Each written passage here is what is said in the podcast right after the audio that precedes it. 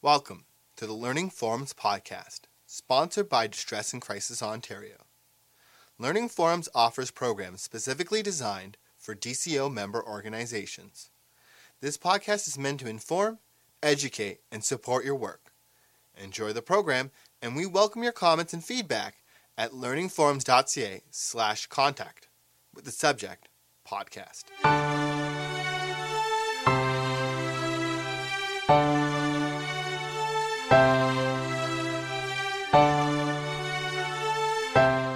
My name is Justin Bray, and I'm here from Nightlight Youth Services. Um, we're a program of the Boys and Girls Club of Niagara. Uh, what we do is we offer two um, distinct programs for youth within our facility. We offer short term emergency shelter beds, emergency placements for agencies, and our second program is that we offer long term supported transitional housing. Um, we, yeah, we offer our services for males and females between the ages of 16 to 30 who do not have a stable place to live or do, do not have housing at all. Um, we also offer a variety of development programming, recreational programming. We offer aftercare services, um, things such as if the youth need to come, once they leave, they can come back, they can use our phone, our internet. Um, they receive some supportive counseling, they can use us as a mailing address. Basically, any way that we can continue to support the youth once they leave, we uh, do that. Um, personally, this is an issue that, that um, is very important to me. I just wanted to point out before I start that it was really interesting when I started my career, um, coming out in basically the, uh, the uh, two years that I was in a college course and coming back and working immediately with, with, with teenage youth. It was a real shock to see how quickly things had changed from even when I was in high school. So, um, you know, the things that were going on at parties, the things that the youth were being exposed to, um, some of the acts that they were being forced into, um, you know, things like that it was not the, the high school that I grew up in, and that really had an impact on me when I started my career. Um, so, first off, I guess I want to talk about um, just some of the societal expectations that are placed on youth. Um, youth today, they have a lot more pressure on them than a lot of other generations have had to face. Um, you're looking at things like, um, you know, the need to get an education, the need to get an education to get a good paying job, and even the lack of jobs that are out there once they have the education, that can be very daunting for youth. Youth have to generally, a lot of times, move out at an earlier age. Just in general, they're facing a lot of expectations um, just with, with the way society is kind of moving them from childhood into adolescence into adulthood. So, you know, they have to learn how to drive, there's the voting. Um, they're losing like intimate and close family relationships by moving out of the house. A lot of times, relationships end at this, at this phase. Um, youth today are having children earlier, so you hear a lot about teenage pregnancy and the young age at which children are being introduced into the picture. Um, they're not necessarily waiting to start a career like many of us, of our generations, are doing. They have to start right away. They have to get a job, they have to support family. Um, there's a lot more access now and a lot more advertising in terms of things like credit, um, the, the, need to have certain possessions. You know, you aren't cool if you don't own the latest phone, if you don't wear the right clothes. Just in general, there's a lot of things that are, that are facing the youth. Um, there's also body image. There's also, you know, who is finding them attractive, um, th- things like that. So some of the things that youth are at risk for, they're at risk for homelessness, so not having a place to live or not having a safe or stable place to live. Um, they're at risk of suicide, self harm behaviors, so things like cutting, um, burning, things like that. Um, they're at risk for uh, poverty, substance abuse. Um, they're put in situations through these things, so when they go to parties, um, sometimes they're being forced into, into sexual, doing sexual acts. Um, they're having unsafe sex. There's a, there's a high prevalence of things like sexually transmitted infections out there that they can be exposed to. The other thing as well, um, there's the whole bullying aspect. Nowadays, every single teen has Facebook. A lot of them have it on phones. Um, sometimes they make the decision to send a picture to the wrong person, and that can really affect them. Um, there have been cases uh, that have been in the news where youth have committed suicide or found themselves in really bad situations because of one mistake that they made. So these are things that weren't necessarily facing our generations, but because of technology, because of all the, the, uh, the new increases in that, they're definitely facing our youth today. Um, there's also, you know, at risk for things like incarceration. So when I say the word at risk, the, the, the uh, two words, it generally sums up a wide variety of things that are facing youth. They're at risk for a lot of things, a lot of really, really bad things. Um, so I'm going to talk next about who is actually at risk, and it can be almost anyone. One of the things um, managing, managing our, our, our, shelter program now, we see a lot of youth come in, you know, they have cell phones. A lot of youth have been working or even are working, um, you know, with the minimum wage and sometimes, you know, especially around in the Niagara area, there's the whole seasonal employment, so they can have hours during the summertime and the hours get cut back into the fall. They then struggle. You know, it can be something as simple as, you know, they're missing identification, Sometimes they would have gotten, let's say, a, a, check from Ontario Works and coming home from the bank, they get robbed, things like that. Just any situation at any time can cause someone to become homeless. The majority of people live paycheck to paycheck, so if something happens that disrupts that next paycheck, that's, the, that's basically the line where, where, where people fall through the cracks. In Niagara, and, and in, uh, I, I believe they use some Hamilton youth as well, they completed a, a report called Sofas, Shelters, and Strangers. And this took place between February 2009 and February 2010. Um, some of the youth in our program were involved in this, um, in this study as well. And it basically outlines the findings um, from a study of 40 homeless youth and 20 chronically homeless youth adults in Niagara. So the purpose was to explore the causes and impacts of youth homelessness and the impacts that continued on into adulthood. Um, and it was prepared by Stephanie Baker Collins. So, just some of the findings from this report were that the average age at, which the youth became homeless was 16, and the earliest identified age was age 11. So, picture yourself being in a homeless situation at age 11. It's not good. Um, because of the higher likelihood of suffering abuse and trauma, females tended to become homeless much younger and remain chronically homeless longer than males. Um, they noted that youth were, were very mobile throughout the study. For the youth who completed second and third interviews, Many had moved an average of three times just during the course of the study alone. So that kind of gives you an idea about that. Um, they noted that a lot of times youth are unaware of resources and services available to them.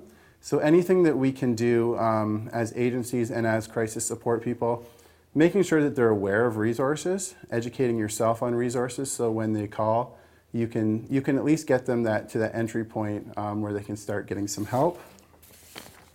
A couple other like stats from this. Um, so again, where I'm talking about how there's a lot of stereotypes, especially around income and about family income. They noted that in the youth's family of origin, 42% described their family income as average and 21% as above average, and there's 37% that, that, that defined it as being below average. So the majority of the youth that they talked to saw their families as being at least average, if not above, um, youth in the study demonstrated a strong commitment to education in their current and future planning, but they also identified the, the barriers in completing education, so cost, um, difficulties, and a rate of a higher rate of learning disabilities. So prior to becoming homeless as well, it was noted that many experienced significant childhood stresses. So especially in, in, uh, in, in dealing with youth, even younger youth, um, the things that happen to them can have a big impact moving forward. Okay, so next I'm going to talk just a little bit about some of the various um, some of the various factors that go into um, at-risk youth in their situations. The first one is, is, about their family. So a lot of times youth are coming from families where they've um, either witnessed or suffered abuse, be it physical, mental, um, or sexual abuse. There's, there's divorce and separation. There's blended families. Um, there's, there's a lot of times where we've heard the youth come in and talk to us about how um, you know the stepfather or the stepparent moves in, does not like that youth. The youth is asked to leave the house. Um, this is happening at younger and younger ages. Um, it's something as simple even as, as neglect, so not um, you know helping them with homework, um, basically not doing quality activities with, with their children. Um, I've already kind of talked about the education part. I just wanted to touch on, on, on, on a couple things to make sure that they're highlighted. One, um, a lot of youth, even the youth that come into our, our, facilities, they have learning disabilities. That can be a big thing because a, a lot of times people make assumptions in how they, they talk to youth. Um, you know, here, here, can you read this or do you understand this? Sometimes the youth do not understand what we're saying. Sometimes the youth cannot, you know, read a form and fill it out. So these are important things to kind of try and ascertain from them when you're, when you're talking to them. What is their literacy level, both spoken and, and, and written. The next thing I'm going to touch upon, it's upon um, their health and their mental health. So obviously, people can face a wide range of, of, of health issues when, you know, when they're in at-risk situations. So you can have people who are, you know, if they're homeless, they can be sleeping outside. They might not have had, you know, a regular meal. They might not have regular sleep patterns. Um, if they're taking medications, they might not have access to their medications. In addition to that, their medications could have been stolen. Um, themselves or someone else could be abusing their medications. They're obviously at risk of things like overdose, and they can put themselves into unsafe living situations that can lead to things like, uh, like, like being raped or being assaulted as well. Um, so there's obviously that, that, that wide range of health issues that, that you're going to be encountering. Some of the factors, again, just to sum up quickly, um, you know, their, their family situation, their education, their health, all these things are very important things to take into consideration. I'm going to talk now about how um, to kind of speak to at-risk youth and their families when, when they're calling in and they're looking for some support. Um, the first thing you want to do is you want to make sure that you have a calm, even voice you don't want to bring their emotions up. You don't want to bring, you know, you, you want to control the situation. You want to bring it down. You want to keep it calm. By you being calm, they, it will help them to be calm. You want to make sure it's stressed that you are um, operating in a non judgmental factor. So, keeping in mind that these youth have been in situations that you likely may not have been, they, there might have been factors that led to them making certain choices, and we can't make you know, a rash decision. So, if someone has an addiction, we can't judge them for their addiction. We need to help them in the immediate and keep in mind some of the factors that could have gone into their, their addiction and work on helping them you know, immediately. Um, you want to take the time to listen. This is very important. A lot of times people just talk, they want to solve problems. The youth need someone to listen to. Sometimes there's not that trusted person that they can talk to. They might be telling you things for the first time that they've never told anybody else. So yes, it's important to talk to them and help them, but definitely take time to step back and, ha- and listen to what they're saying. Um, you want to explore practical, realistic solutions. So you, you want things that the youth can actually do kind of either in the immediate or in, in the short term. So, you know, telling a youth to, you know, if, if you're having money problems, just go out and get a full time job. That might not be realistic for them. They could be having, you know, the mental health, they could be, you know, not have a stable place to live. Those things all come first. So you need to basically prioritize and explore what, what, what the realistic solutions are.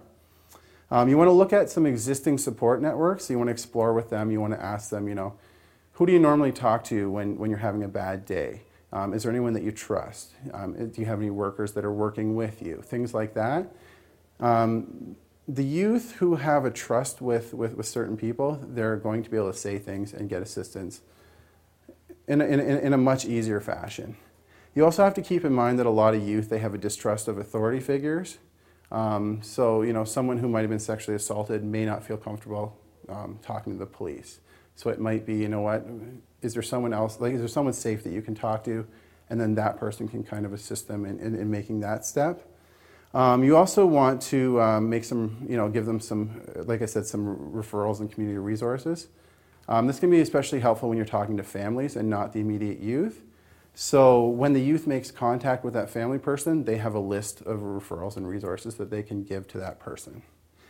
Um, in terms of, of, of, of, the support as well, you want to solve the immediate problems first. The long-term um, solutions come later.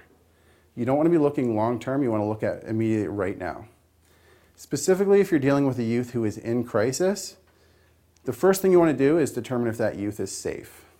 Is there any kind of environmental um, factors that can lead to them, them being not safe? Is there someone there that could hurt them? Um, have they taken any kind of medications or drugs, alcohol? Are they in danger of overdose? Um, you want to, in, in, in, these situations, you want, it's, it's, it's very important to kind of get this information. So if, if, if need be and um, like emergency services become involved, you, you can then provide these, these things. Some of the things as well that, that you can also kind of um, discuss with them. Um, do they have any allergies? Are they taking any medications? If you have that information handy, and let's say the youth loses consciousness, you can then, if, if, even if it's over the phone, you can provide the emergency services with that information. Um, the last thing you want is someone, let's say, being allergic to penicillin they go to the hospital, they give them penicillin. They don't know. The youth has another reaction on top of whatever they're, they're dealing with. So uh, I'm going to talk next about some, uh, some resources um, that, that, that are, are, good resources to connect youth with. One of them um, is, is, is, the shelter system, obviously. If someone is homeless or doesn't have a safe place to be, that's at least a warm bed and a warm meal and some, you know, some trained, um, some trained workers to deal with them, connect them to other resources. In the shelters as well, um, we, aren't, we aren't just, you know, shelter workers we have a good knowledge of what the community base is and, and what resources are out there. So we do like specific case planning with the youth. We'll identify all their different goals, and we will then, if, if we can't solve that problem, we will connect with somebody who uh, can. So um, I would say definitely shelters, particularly the youth shelters, are a really good place to to refer to. Um, there are services out there such as um, the food and furniture banks. So sometimes if it's someone, you know, um, they haven't had a, you know, they, they don't have any money, they haven't had a meal in a while, you know what, there's, there's a soup kitchen here, um, there's a food bank here. Sometimes it can be things like, you know, that, like they don't have an adequate bed to sleep in, things like that. So a furniture bank can help as well. Um, there's some Housing First um, agencies out there, and what they do is they help out with things like arrears. So if they get behind on rent, if they get behind on their uh, heating, things like that, um, it, they basically help them to remain in their housing. So these, these are things that are important to them. Um, there's, you know, obviously the, like things like safe, safe beds, um, getting to the hospital if they are in crisis, so they can be evaluated. That's important. Um, there's a variety of different financial aid options as well that, that to provide them. Um, one of the things that, especially in Niagara, there's there's definitely like a big focus on is outreach. So one of the things uh, about outreach is these workers can go into the homes or into the agencies and provide the services where, where, the, where the actual person is. The person doesn't have to go into a building to get help. The worker will come to them. Um, so any, any of the agencies that provide outreach services are, are, are very important.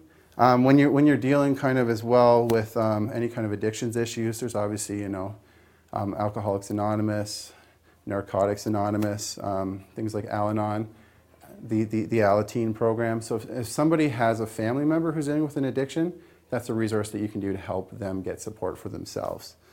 I obviously don't want to leave anyone out, but um, another important one is things like schools and, and, and guidance counselors, things like that. Um, so that kind of sums up my presentation. I wanted to thank you all for, uh, for uh, being here today. And uh, if anyone has any questions, you can feel free to ask. Uh, Yura mentioned that um, at times you do have 11 year olds in your shelter. That are homeless, what happens to them afterwards? Do they go back to their parents or are they referred to a foster home? Um, and just, just in reference to that question, um, in our shelter we deal with youth between the ages of 16 to 30. Um, anyone under 16 we would refer to Family and Children Services. Is there a difference between an at-risk youth in the urban situation or versus a rural situation? Yes, both uh, situations, they, they uh, both have their, their various factors. In terms of rural youth, one of the things that's facing them is they don't have the access to the resources like they would in a larger urban center. Um, things like, you know, if, if they need to get into a, a treatment or, or, a detox facility, they would have to leave the town that they're in. Um, to go to a shelter, they would have to leave the area they're in as well. Um, they're also facing their own unique um, set of circumstances. So a lot of times they're living in isolation, um, particularly if they don't drive or they don't have access to a family member who, who, who can drive them. Um, there's the isolation from their friends. They don't have the, uh, the uh, social network that someone living in an urban situation would have. Um, that can lead to a number of things. So it can lead to, you know, um, depression. It can lead to things like, you know, having to resort to the online technology and the phone technology to, to talk to people. So there is then that, that disconnect that um, youth in urban situations would not have. In terms of um, assisting youth in, in, rural situations, we see that here in Niagara um, quite frequently.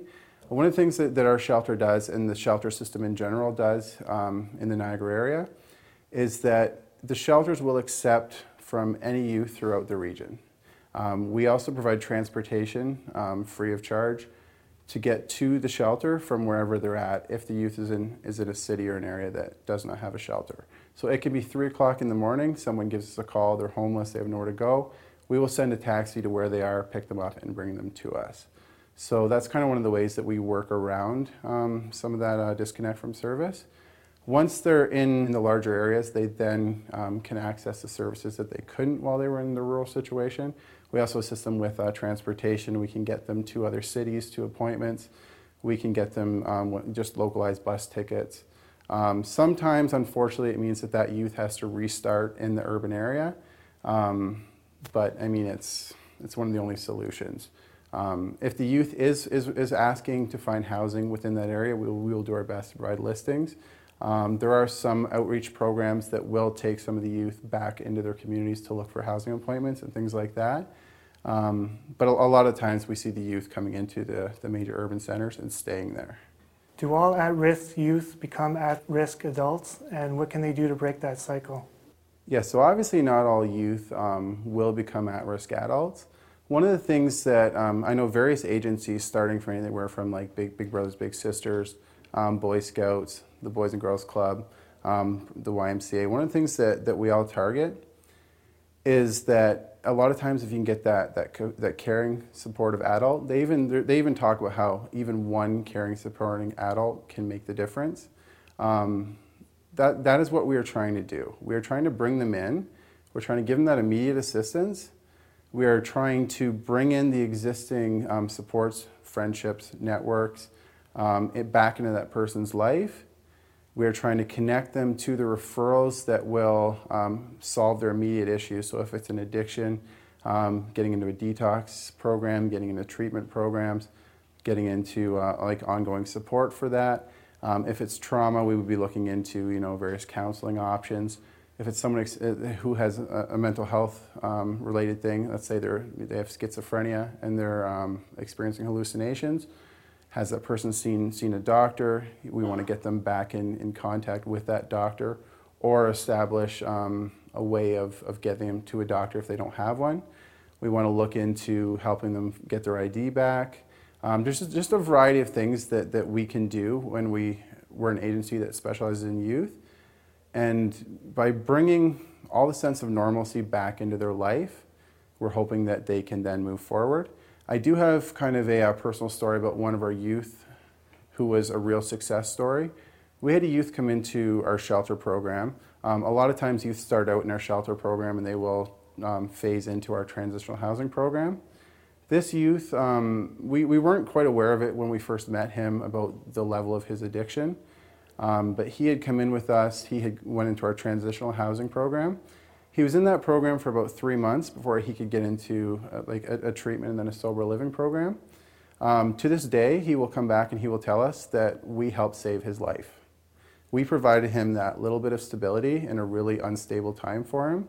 Um, he also he volunteers with the sober living um, facility place, and one of the things that, that they do is they coordinate. Um, it's, it's like a local food drop off um, pickup for different agencies he will assist with that. Um, he's, he's, he's gone out and brought stuff into our program when we can't always send a volunteer or a staff out.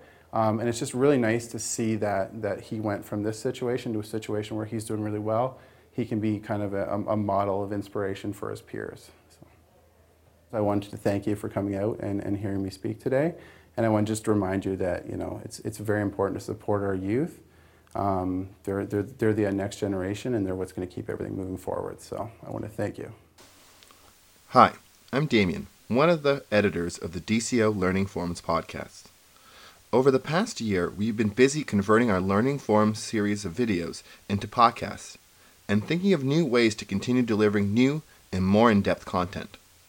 We've seen the demand, and we're announcing our move to Pinecast and our new tip jar function please consider going to tips.pinecast.com slash jar slash distress and crisis Ontario and donating. And in return, we'll be recording new follow up episodes on some of our most popular topics. These will be accessible for tippers only and will help pay for travel, web hosting, etc. For the interim, you'll still be able to access existing content on both on both the Pinecast and Fireside feeds for free, but eventually we'll be making the switch to Pinecast. Thank you for your understanding.